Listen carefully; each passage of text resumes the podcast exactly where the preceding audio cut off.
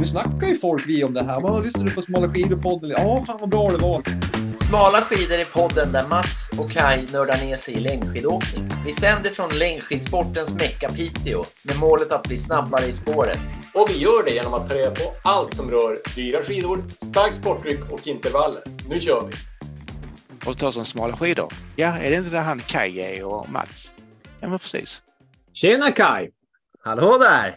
Hur står det till i Svensbyn idag? Ja, nu är jag nysprungen så att nu är jag på gott humör. Det låter bra. Jag vurpade dock. Det börjar bli halkigt ute när man springer obanat. Ja, du, du har inte icebugs? Nej, jag har eh, hälften så få dubbar och då får man ju hamna lite på röven ibland. Ja, ja. ja. Har man inte råd med det bästa får man, får man hamna på röven då, är det så? Ja, precis. Handledsträning även kallat. Ja. Um, nej, men nej, Ja. det går väl bra för mig. Jag har ju lyckats med de här sju timmars målen i våran träning eh, flera veckor nu här, så det känns ju som att det går upp för. Det går upp för, det är, det är ju lysande. Ja, och Jag du är- är ju bättre än sju timmar. Du, du är den dominerande här nu, eller hur? Ja, jag, alltså jag vet inte riktigt om det är så. Jag, jag, jag har ju mitt yogapass som fyller på där. Jag är osäker om jag verkligen ska räkna det till sju timmar. Så att, men, men eh, jag brukar ju oftast vara nästan uppe i åtta, så jag kanske ändå... Jag tror vi är ganska lika, om jag ska vara helt ärlig. Men eh, om vi ska prata eh, träning som nu har varit här sedan vi poddade sist, hur, hur har det sett ut passen? Vad har du gjort något som är kul eller liksom något som känns eh, som ger bra eller liksom vad, vad, vad gör du nu för tiden? Nej, men eh, jag kör ju det här eh, sju timmar och ett stenhårt och ett mellanhårt och sen ska resten ska vara väldigt, väldigt lugnt. Mm. Ehm, och sen eh, köpte jag ju också en eh, finsk landslagsdräkt när vi var i Finland. Så den drar man ju på när det är hårda passet så att jag känner mig ju grymt snabb häromdagen när jag körde ifrån typ alla. Eh, när vi körde lite grann fartpasset där så att det Ja, känns jag- väldigt bra. Jag hann inte aldrig se dig från min position. Jag, jag körde ju med fäste allt mest den kvällen, så att jag, det var som att du var bara ett streck där ute i periferin. Ja, swish liksom. Som ett så här levande Nike-tecken. Ja, helt otroligt. Men ja, nej, det, men den är, det den är är snygg. faktiskt Den är väldigt roligt det här med när, när jag tränar så här, när man kör så här lugnt. Då känns det ju första timmen känns det ju som att man inte rör sig. Sen blir man liksom lite matt på ett annat sätt när man kör lugnt. Men det gör ju också att när det väl, när jag väl får köra fort sen, då är jag ju så jädrans sugen. Så då är det bara att dunka på. Eh, så det får ju den effekten. Medan annars förut, då var jag som jämnsliten och tyckte det var jobbigt att hänga på. Så, att, eh, Mm. så Ja, eh, ja. den planen går bra så att säga. Ja, det är otroligt. Jag, jag, ja, men jag är också nöjd, men jag har inte, jag har inte än lyckats. Alltså det här med A1-pass, det är jag inte bra på. Så jag tycker det är ruskigt svårt. Och, och speciellt nu i början på säsongen så tycker jag att jag, nu har jag haft lite förkylning i kroppen, så det kan vara det också som gör att jag, jag eh, kanske ligger lite högt i puls. Men eh, sen är det det där också som vi diskuterade någon gång med alltså upplevd ansträngning. Jag, som nu i lördags körde jag 2.20, alltså lite lugnt sådär två timmar och 20 minuter. Men jag låg tio slag för högt i förhållande till var som ska ligga A1. Men jag upplevde det som ett ganska, inte så slitsamt och jag kunde prata med folk när jag körde och jag var inte så slit när jag kom hem. Så jag tänker att det kanske ändå var okej. Men det är utmanande, eh, det, det tycker jag, eh, att, att köra riktigt lugnt. Jag ska, jag ska bli ännu bättre på det, det, det definitivt.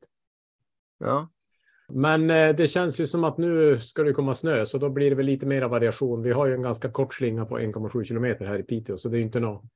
Man får inte se naturen i någon större utsträckning eh, i den här rundan. Nej, och vi kan varenda liten sten. Eh, Mm. Man vet när man ska svänga och när man ska vara i spåret. Men det, det, det är häftigt. Vi var ju båda där i söndags och det är ju kul att se intresse. Det var ju, jag, jag tänkte det, att det var allt ifrån Piteå elitåkare till landslagstränare till barnfamiljer till allt möjligt. Eh, Så det var riktigt häftigt. Ja, det verkar poppis där. Det kanske är våran podd som driver upp intresset för skidåkningen. För att eh, det har faktiskt blivit stoppad någon gång här nu. Eh, någon som har liksom tackat för podden och det känns ju himla roligt.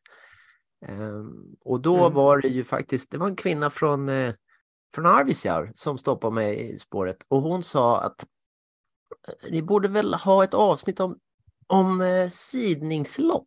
Och vad är det för avsnitt vi ska ha idag, Mats? Ja, det är ju det, är ju det avsnittet. Vi, vi, är ju, vi är väldigt lätt påverkade. Vi hade en annan plan, eh, men eh, nu, nu går vi på den planen. Ja, men det är faktiskt en bra plan eh, för att eh, det blir lite delmål inför Vasaloppet. Mm. Och Nej, det men jag- att det blir roligare att, träna tycker jag. Det kan vara lite svårt att, att tänka sig första helgen i mars nu när man har Mm. precis kommit igång på snö. Men det känns ju roligare att tänka några veckor framåt. Ja, men verkligen. Och jag har ju eh, min vana trogen ägnat mig åt lite research kring eh, simningslopp och eh, ja, man blir ju lite sugen. Men du, innan vi går in på det, bara en avslutande tanke kring det här med träningen. Jag tänkte på, vi har ju båda fått testa på det här med Guided Heroes. Ja, eh, spåret. Och eh, jag, jag, eh, vi, gjorde, vi pratade lite grann innan vi började spela in och jag, jag tror vi har en liknande reflektion. Vi har inte komma så långt, men, men jag, kan ju, jag kan ta min tanke först och den är ju att jag har haft den i två eller tre veckor och jag, än tror jag inte jag har lyckats göra ett enda pass på den dagen med det upplägget som träningsprogrammet så att säga önskar. För att till exempel alltid lördagar står det gör ett långpass men inte skidor. Och lördagar är den dagen jag helst vill åka skidor.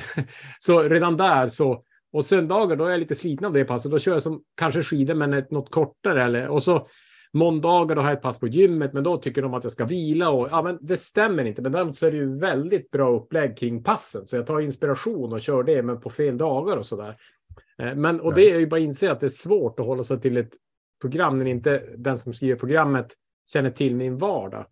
Eh, Men, men hur har det varit för dig med, med upplägget?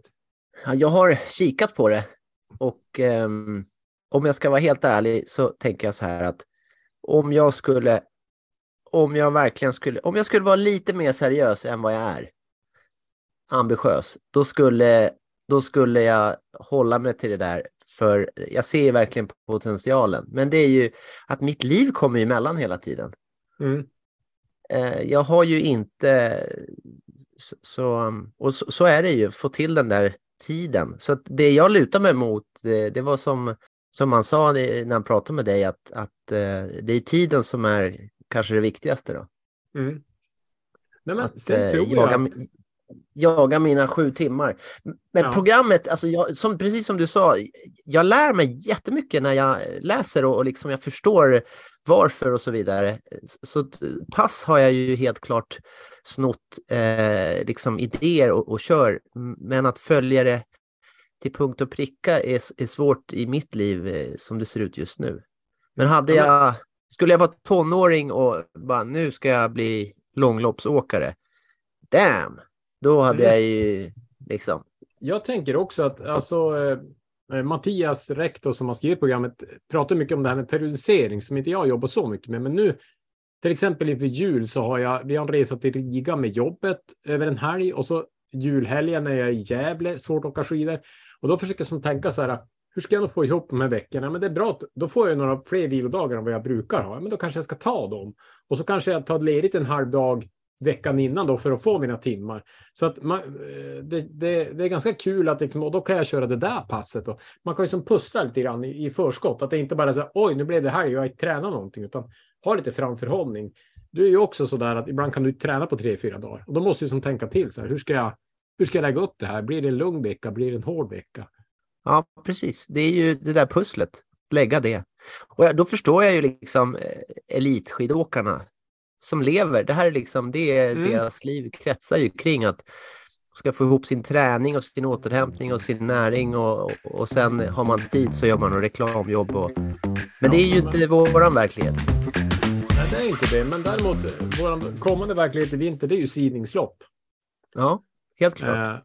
Eh, de ska vi försöka, de ska vi försöka få in. Och eh, ska vi ta och, och snacka lite sidningslopp? Ja, det tycker jag. Och jag, jag tänker att vi, vi, eftersom det vi vet bäst är ju det vi, det vi själva kanske har åkt och tänker åka. Ja. Ha, vad, vad har du för tanke om vinterns sidningslopp? Hur, hur, hur ska din plan se ut? Mycket eller lite eller högt och lågt? Ja, ehm, jag pendlar lite grann. Kommer du ihåg när vi eh, pratade med, eh, med Stefan Thomsson, landslagstränaren? Mm.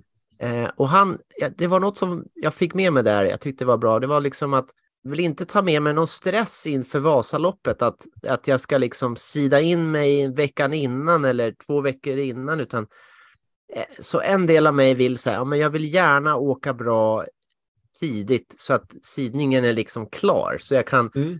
fokusera på att upplägg där jag liksom fokar på Vasan. Så det är den ena tanken och den andra är att, eh, att jag får se, eller jag vill se de här eh, loppen som träning inför Vasaloppet, inte som slutmål liksom. Så, så att jag ska, jag ska försöka ta den här räckidén också, att stanna kvar eh, på loppen eh, och köra en timme i lugnt efteråt och byta om och käka lite och sådär. Så de som ska åka i min bil eller de som jag ska åka med, de, det blir att liksom komma överens om och det blir lite längre dag. Men ja, lite så tänker jag. Mm. Du då? Eh, nej, men eh, jag, eh, det är väl liknande tankar. Alltså jag, jag, jag ska försöka åka de, alltså så mycket lopp, lopp som möjligt. Och lite grann med tanken att kunna åka avslappnat och veta att jag har många chanser. Och någon gång kommer det att stämma med valla, med form, med, med liksom eh, sidningstabell och annat. Så att jag sidar upp med eh, minst ett led, men gärna två. Eh, jag, ju- jag blev ju femman i och med att jag var halvt skadad förra Vasaloppet så halkade jag ju ner där. Just Så att, och ska jag klara eh, mitt mål då med, eh, vad heter det, när man åker halva tiden på vinnaren? Jag får hjärnsläpp. Medaljtid heter det. Eh, medaljtid, ja. Då, då måste jag nästan starta i startled 3 tror jag. Ja. Så att, eh, och det, det, blir- det blir tufft. Men jag har ju tränat på så jag hoppas att det ska visa sig att, att, att, eh, att det har gett Men du, resultat. du åker ifrån eh, de som brukar åka ifrån dig så att, så att jag tror att eh, håller den här eh, liksom, kurvan så, så eh, kommer det bli hur bra som helst. Ja, vi får väl se. Men, men om vi pratar specifika lopp så är ju första loppet som jag då har möjlighet att åka, det är ju då Kronanloppet. Det är ju ett lopp i Luleå som är som klassiskt. Jag tror det är det jag åkt mest. Och eh, ja, men det, det är ett bra lopp. Jag tror det är, det är väl fyra varv man åker och någon ganska tuff backe och så där. Det är den 14 Jag tror januari. till och med fem varma. Nej, jag tror att Renriden har fem varv och Kronan har fyra. Om jag inte minns det. Det är lite en Ja, annan sträckning på ja. Renriden. Det är men- då en bra backe att träna i. Det är en brant backe som är kanske, vad är den, 40-50 höjdmeter. Ja, kanske 30, men, men det räcker alldeles nog. Ja, men det, det, det känns som brant. 50. ja. Speciellt på sista varvet. ja, jag, jag har ett sånt härligt minne från den där backen. Jag, jag, det var något år sedan jag åkte och då åkte Magdalena Pajala tror jag höll på att träna till Vismaski Classics då och kom med ett herrtåg och bara dunka upp för den där backen och jag typ i knallrött läge kröp upp för backen. Så då, då insåg man att det var skillnad mellan lort och pannkaka, verkligen. Eh, det, det, var, eh, det var häftigt att se. Jag tror att hon vann det loppet då också. Det var, ja, det var, det var härligt. Ja. Eh, Men det, det är en bra start tror jag. Sen har vi ju... Det, det, går ju, det går ju ett lopp, Camp Ripan-loppet i Kiruna. Det har jag faktiskt varit så här, ja man kanske skulle åka till Kiruna och, och åka ett lopp. De har ju flyttat Kiruna, eller håller på att flytta det va? Ja, så du tänker att du inte riktigt hittar dit eller? Det måste vara spännande att komma till Ja. en, samma stad fast på ett annat ställe liksom. Ja, nej, det är ju ett otroligt häftigt centrum faktiskt. Så det, det kan ju vara ett litet lopp och det är ju den 6 januari, så det är ju i julhelgerna lite grann nästan. Ja, precis. Då har man ju julfläsket kvar, eh, så då har man, kommer man ju orka runt. Men där, höjdmetrarna var brutala. Det var dubbelt så hö, många höjdmeter på distansen jämfört med eh, Vasaloppet. Det är kanske då man ska ta på sig fästesskidorna och, och dunka ifrån er stakare då. Ja, det vore något. Jag läste, vad heter han, Erik Wikström hade, hade någon, han hade åkt det där för ett gäng år sedan. Jag läste på hans eh, blogg häromdagen för att jag har ju också faktiskt researchat lite grann, även om jag inte har varit lika ambitiös med, med så här snygga eh, filer som du har delat. Han kom femma då och han åkte blankt och alla andra hade fäste. Så att, eh, Ja. Tar du fästeskidorna så tar jag de blanka och så Mm. får du spöa mig där. Det Ja. blir superbra. Nej, men eh, helt sant. Och, och eh, sen ett lopp som alltid har varit kring jul och mellan jul och nyår och sånt där. Det är ju Rymmaloppet i Arvidsjaur. Ja. Eh, eh, åkte du, du det förra året eller? Ja, man kom Ja. dagen innan och sen så vallar man skidor i minus 28 grader.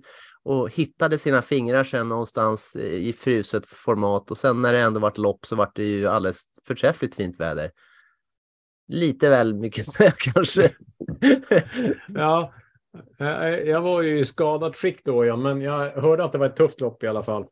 Ja. Eh, Men, Men, det det är ju ett... jag, gillar det för att minnet är att ah, men det är inte så mycket backar. Och sen varje gång, eh, den här backen, den här kommer jag inte ihåg, den här backen kommer jag inte ihåg. Nej, men, och grejen med, med Rymmarloppet som jag tycker är lite häftigt, det är att om det är bra före så är många av backarna, det kommer en nedförsbacke och så kommer det en uppförsbacke. Ja, Så man glider har- nästan, eh, eh, ja, man alltså, glider ja. över krönen. Men när det var man- dåligt och snö, då, då gled Exakt, man jag fattar det. Då var det längre och jobbigare backar. Nej, men det, jag tänker så, så att om det är mycket snö så blir det mer backar än om det är lite snö på något vis. Eh, så, men, men det är ett fint lopp, alltså det är vackert, det är ju eh, det är ganska kuperat och det är skog och, och lite slingrigt. Och, jag tycker det är kanonlopp faktiskt. Eh, I Arvidsjaur då. Den 28, jo det var det som vi skulle komma till. Att det har ju varit i mellandagen, men nu har de flyttat det då på grund av, tror jag kanske, Kamperipam-loppet, möjligtvis. Men eh, det ligger nu den 28 i första, slutet Ja, på visst. januari. Och det ska jag säga, ni som funderar på vart hittar man alla de här loppen, så dels finns det på Vasaloppets sajt, men eh, där finns inte alla lopp, utan på skidor.com om man klickar sig fram, eh, då finns det en lista och då ställer man in lopp som är längre än 40 kilometer. Då får man fram Sen kan det vara någon slamkrypare. Vi diskuterade det här med Kungslinjen-rännet som fanns med som är ju ett skatelopp. Men, men jag tror att de flesta i listan vi tittar på här är sinnesgrundande. Jag tror Och- Kungsledsrännet är fri stil, det vill säga man får ha fäste fast de Ja, flesta skatar ju. By the way, världens roligaste och bästa skidlopp. Eh, det finns ett helt avsnitt om det tror jag, från Mm. förra vintern. Jag ska Och- och- ha revansch, så jag tänker åka det, apropå loppen här. Ja, eh, kanske jag också. Om jag kanske får Thomas med mig. Det skulle faktiskt vara kul. Nu har jag ändå börjat åka lite skate så att vi kanske ses där då.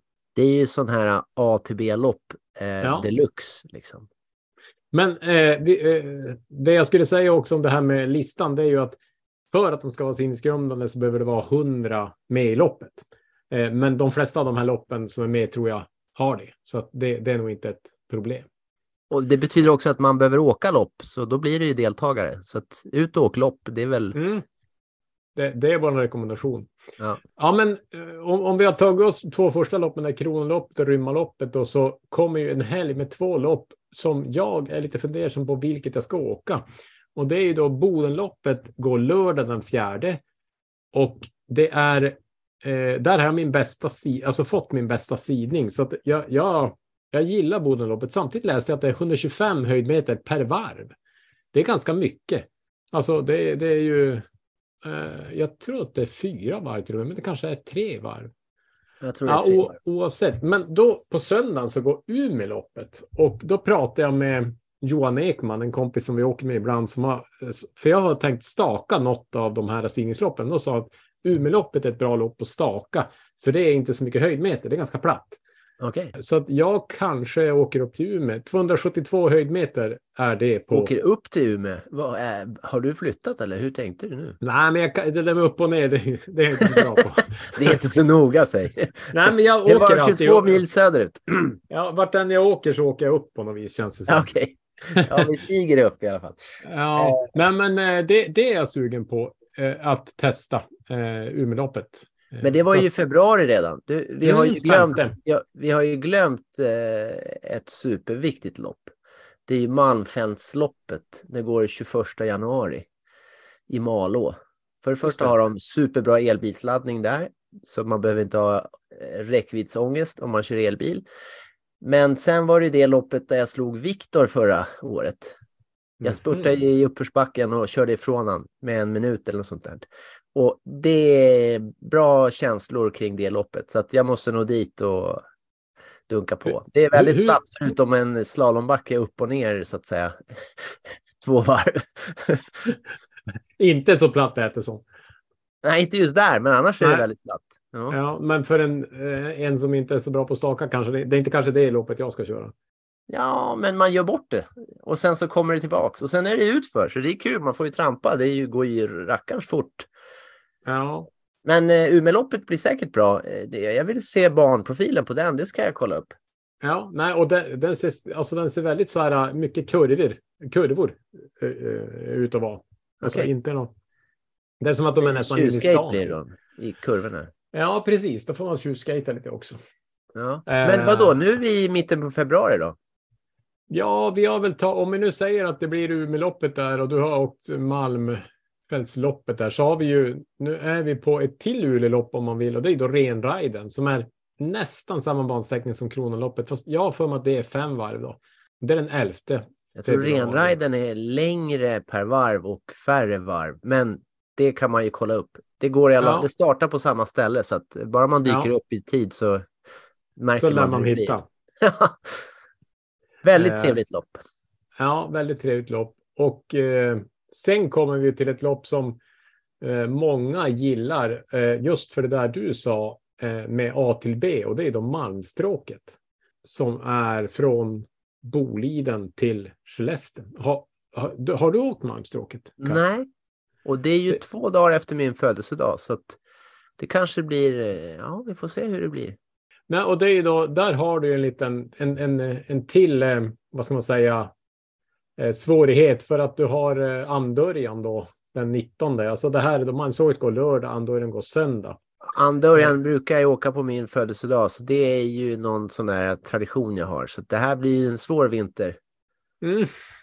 Ja, nej, man får väl se. Det kanske, man får titta på vädret och man får titta på eh, ja, förhållanden. Men jag, jag gillar Malmstråket. Eh, Det, det är väldigt, det är ganska platt ändå. Det är en jobbig halv skidbacke där på slutet, men, men eh, den klarar man.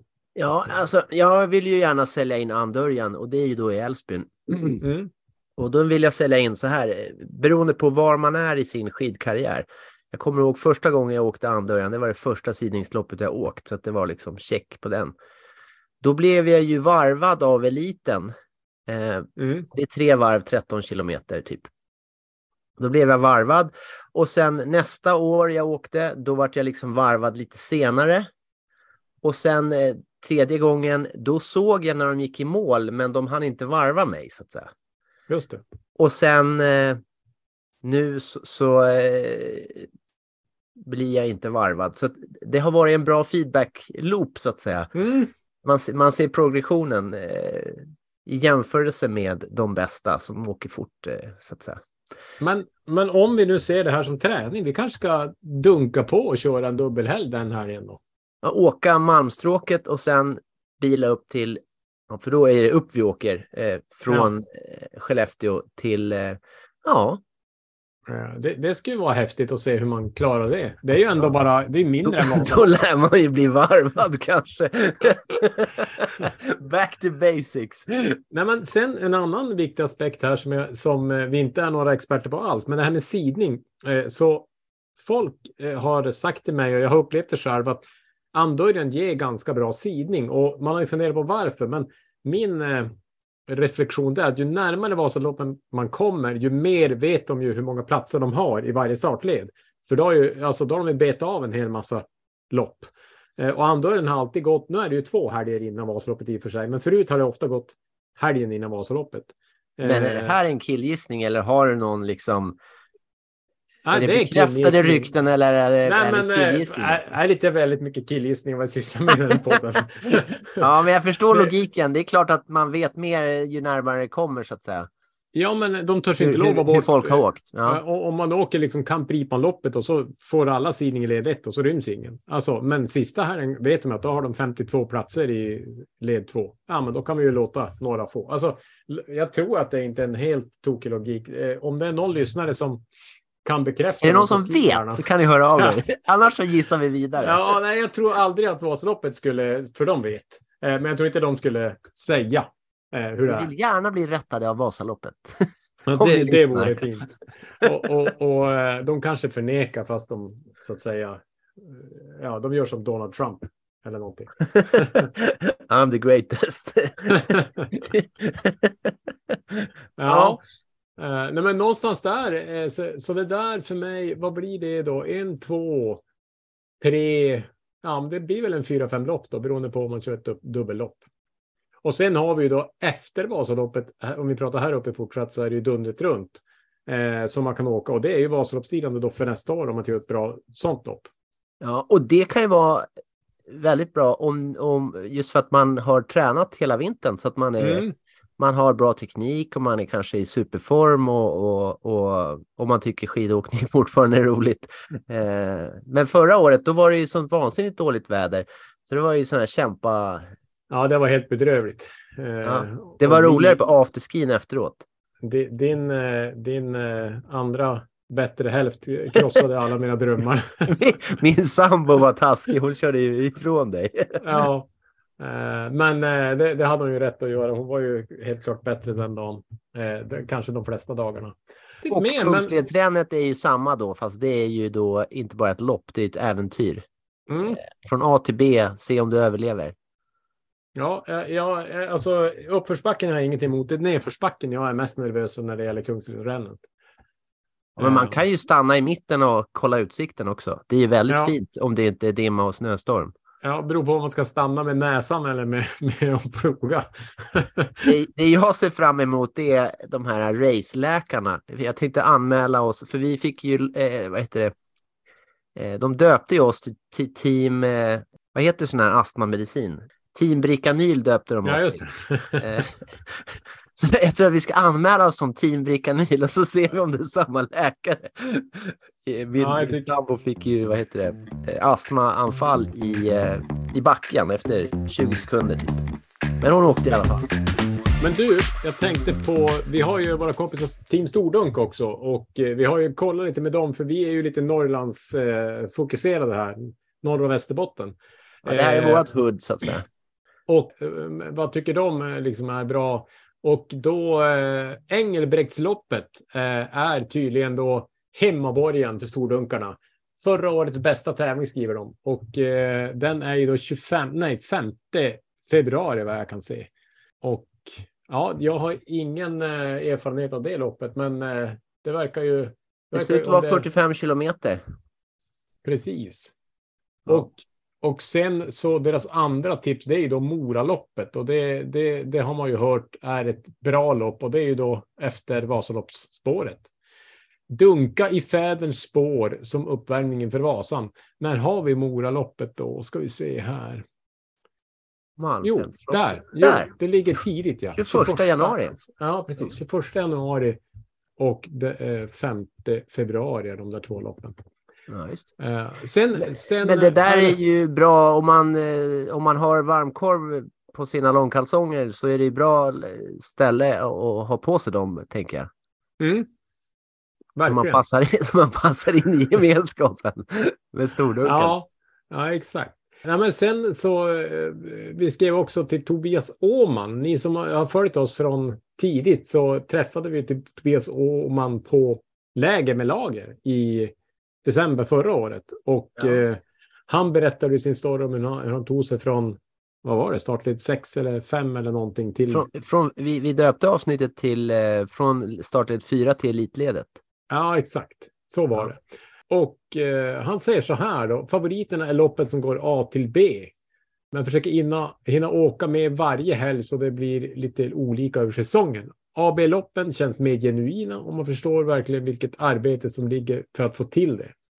Varvloppen känns något, på något sätt enklare.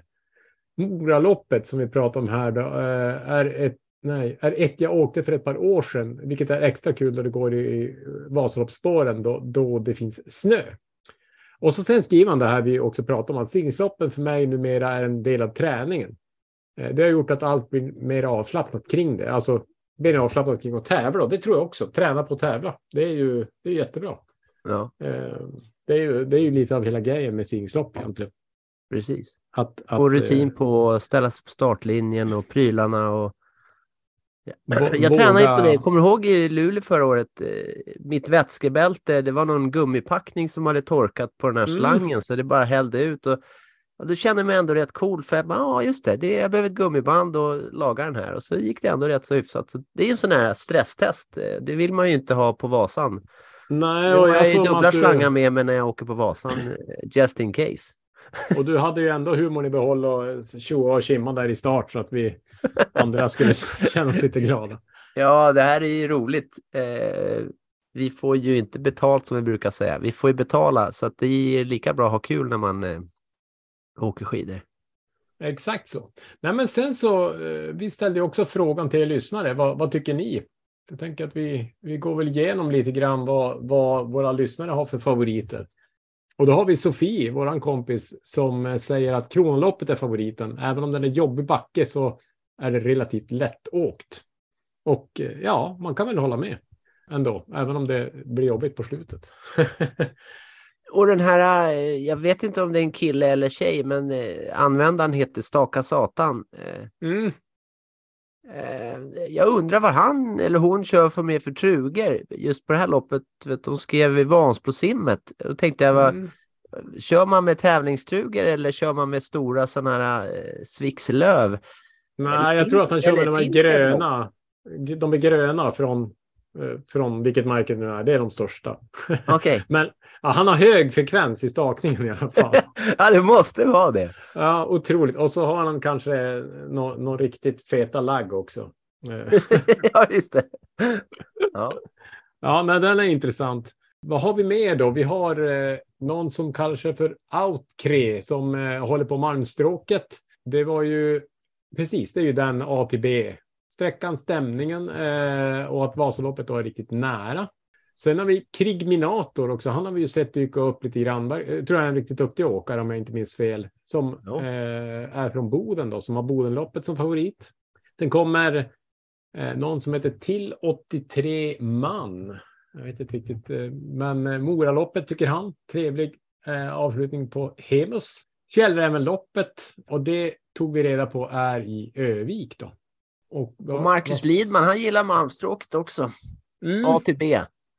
precis. Och Lättvallat, han är ju duktig på att valla, Marcus. Han har något tricks för att han, han glider ju alltid förbi alla. Jag, jag, jag, jag tror jag ska köpa hans tjänster någon gång.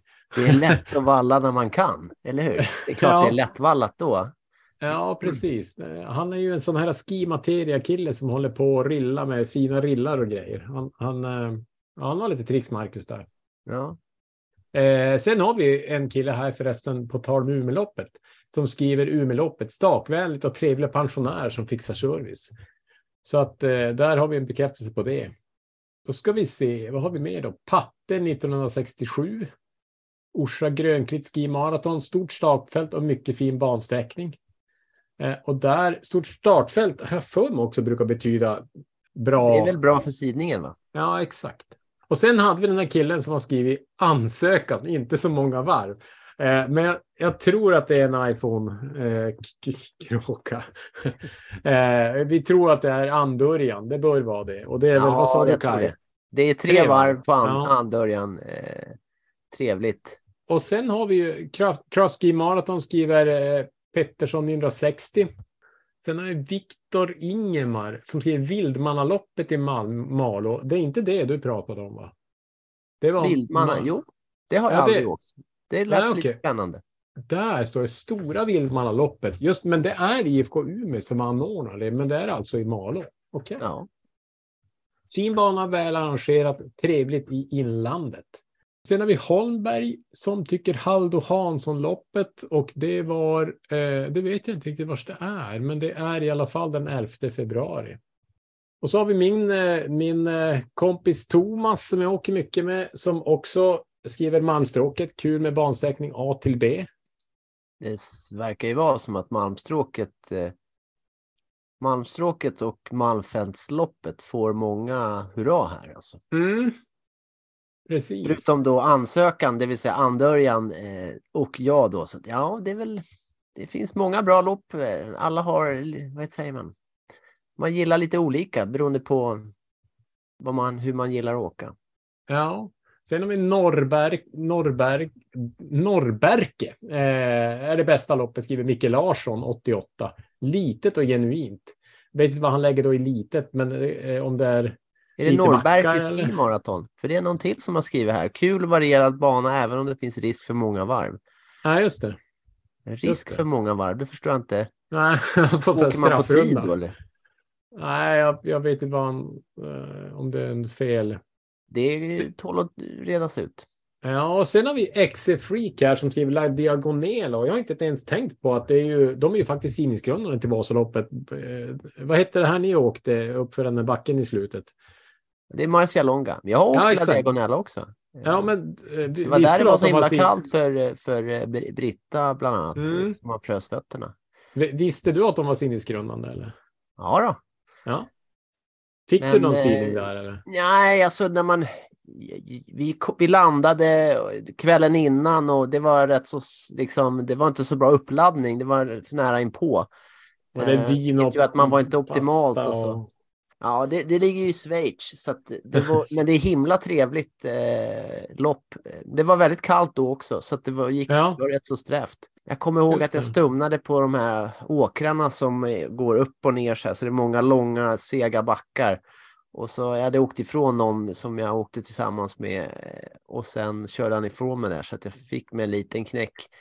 Jag var på väg att göra ett, ett bra lopp. eh, Men det är så här, det, men jag tror det är fem mil eller fem eller sex mil, så det är långt och så är det på hög, jag tror det är på 1800 höjdmeter eller något sånt där. Ja, det är klart, det kan ju påverka också. Samtidigt är det väl kanske bra att komma in sent och det brukar ju eliten också göra om de inte hinner akklimatisera sig.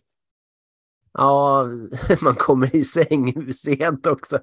Ja, nej, Ja, det det var är kanske den bästa uppladdningen så jag fick då ingen, ehm, men det var himla ingen- trevligt.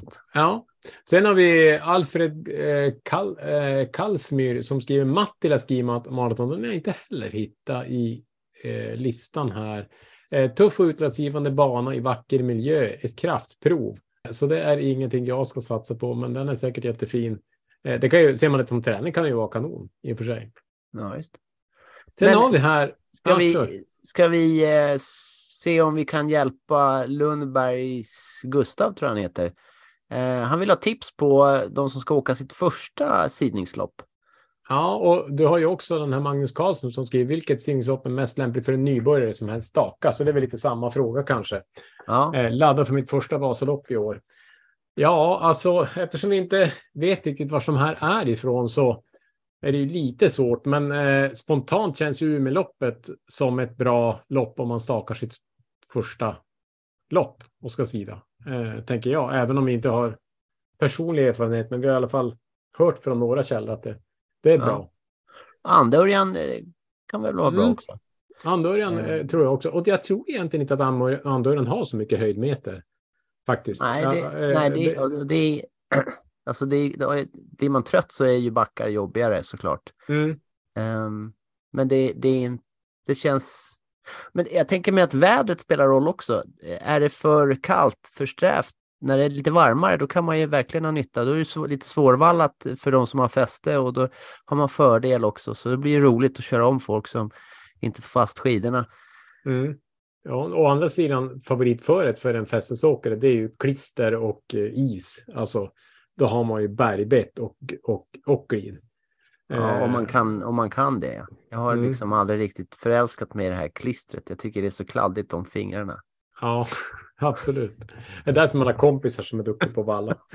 Eh, Ja, Nej, men sen, eh, eh, det en kille som heter Frickegubben skriver också att Vasaloppet betyder mest för sidningen eh, och halvvasan. Det gick från 64 eh, 2012 skriver han. Men, och det det jag kan ju betyda att han, har, han var bra också. Alltså, det är väl inte bara loppet utan Nej, åker man från sexan till fyran då har man ju varit, blivit bättre, tänker jag. då, då har man tränat på helt enkelt. Men eh, jag tänker så här till Lundberg, Gustav och Magnus Karlsson där. Jag, jag, det jag skulle göra, för vi vet ju inte var de bor, men det är att jag skulle ta lopp som är dit jag kan åka, kolla på banprofilen att den är hyfsat platt och så försöka tajma den här med ett väder som passar de skidor man vill åka så att säga. Det tror jag är Eh, Du var inne på något, något där Kaj med vädret. Jag, jag tror också att eh, väder och banprofil är det som avgör. Alla lopp är ju ungefär samma sträcka. Eh, Ja, så att, Och så tror jag på att åka ett lopp som är rätt så nära där man bor.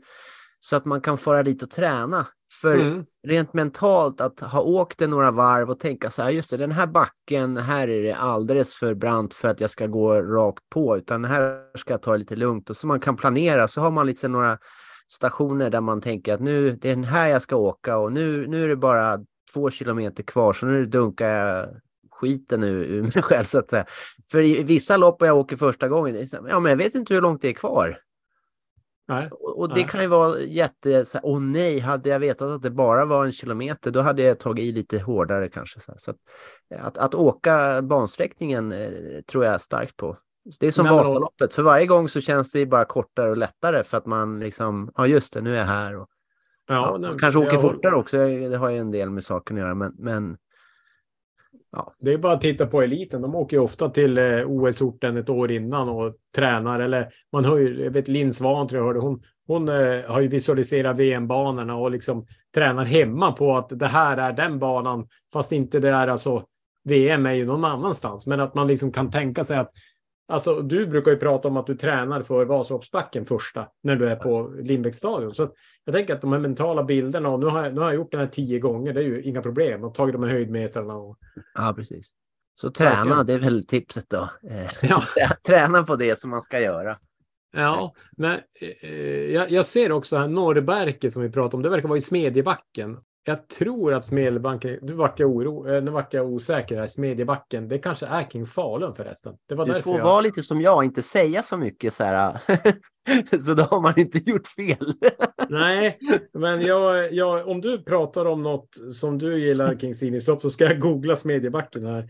Just det. Eh, Ett tips eh, som jag brukar testa det är att testa olika grejer inför Vasaloppet på sidningsloppen. Typ en nytt vätskebälte eller ny gel eller någon ny. eh, Förra året tror jag körde sådana här soft bottles med gels i som man slapp hålla på och mäckla som man hade dem på, på tröjan och sånt där. Så det, det tycker jag är kul och göra någonting, eh, lite test sådär. Nu Mm. låter det som att jag är någon himla expert här. Jag är ju bara en glad amatör, men så var det med det. Har du studerat färdigt Mats? Eller Ja, måste jag det dra en ligger... finsk nej, historia här? nej, men det var jättebra. Jag tycker det var, det var ju eh, så att säga bra under press där och säga något vettigt. du kan det här. Men eh, Smedjebacken ligger då nära Ludvika och eh, inte så långt från eh, Borlänge och eh, Avesta och Norberg och Fagersta. Och, eh, så att det ligger ju i Det är i nära. Stockholm, eller hur? Eh, ja, eh, men eh, närmare alltså Borlänge och Falun. Alltså eh, inte alls långt. Ja, det. Så att eh, jag skulle säga att stordunkarna kanske, eh, de kanske kör Norrverke skimaraton. Just det, för de som ska åka, man kan gå in på Stordunkarnas, de har ju massa små videoklipp också med tekniktips och sådär. Om man eh, ska åka första gången. Eh, Om inte annat så får man se ett gott skratt eh, om man inte får med sig någon teknik att jobba på så att säga. Men, jag, står, jag står i köket ibland och bara garvar så här. Så kommer min sambo in och så bara, "Va- vad gör du så här? Så, "Nej, jag kollar på Stordunkarna. ja, men jag, jag varit faktiskt lite sugen. De la upp en pizza också här i veckan med eh, fyr, eller ett gäng med Bullens korv liggandes på pizzan. Eh, det tyckte jag såg eh, ut som en eh, bra kvällen före sidningsloppspizza. Ja, visst. för jag tror att de skulle dunka någon, någon rejäl. De har ju haft något träningsläger eller något här nyligt. Så nej, de, Ja, Frågan de, är om de tränar eller om de bara spelar in videos. ja, vi vet Jag tycker inte de ser så trötta ut alltid.